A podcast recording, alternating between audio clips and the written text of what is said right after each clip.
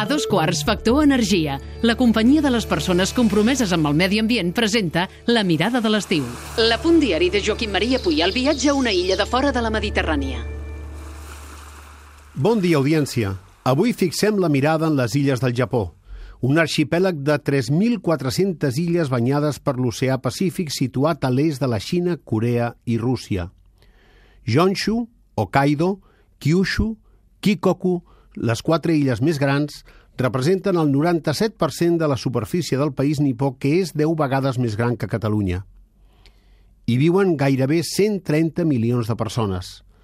El japonès hi és l'única llengua oficial, però també hi ha qui encara parla l'ainu, una llengua indígena gairebé extinta.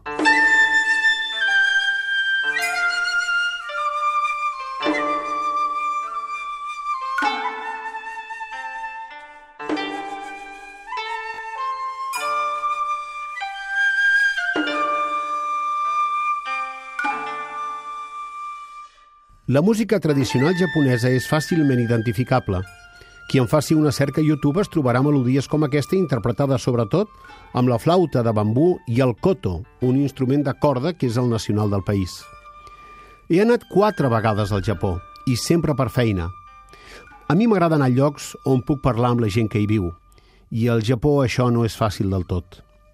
Quan hi vaig anar per primera vegada l'any 1992, la presència de la llengua anglesa era francament reduïda, i Tòquio no havia rebut la influència occidental que avui es detecta sobretot al centre comercial de la ciutat.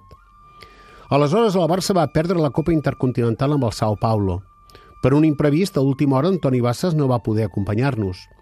Quan ja allà ens vam acreditar, vam veure que hi havia un dossier i una cartera al seu nom. Vam pensar que estaria bé que els hi portéssim, però, és clar, no ens podien fer passar per ell. Com que no? va dir el tècnic Joan Gelabert. Si nosaltres a ells els veiem tots iguals, a ells els deu passar el mateix amb nosaltres. El raonament d'en Gelabert, la veritat és que ens va ser útil. El segon viatge va ser a Yokohama i el Barça va tornar a perdre. Ara, amb l'Internacional de Porto Alegre. Va ser el 2006, 14 anys més tard que la visita anterior. Ara, ja no tots els taxistes anaven amb els guants blancs com aleshores. Et podies trobar algun cartell en anglès i l'habitació de l'hotel ja no era minimalista. L'any 2011, Sergi Cotillas ens va acompanyar al primer mundialet que finalment van guanyar el Japó, 4-0 al Santos.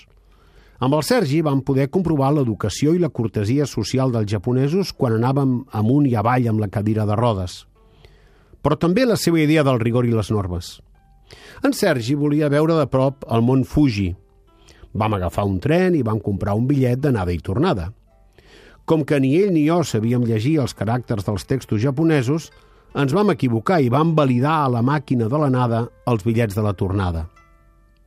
Quan vam voler tornar, ens vam trobar que la validació per accedir a l'andana la feia un revisor.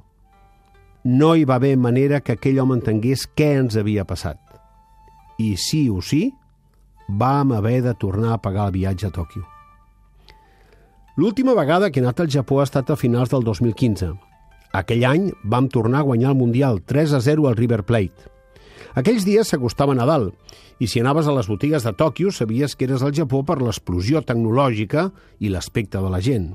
Perquè si no, com que veies pares noels a tot arreu i el Jingle Bell se sentia a totes bandes, t'hauries pogut pensar que no t'havies mogut de casa. That's the jingle bell,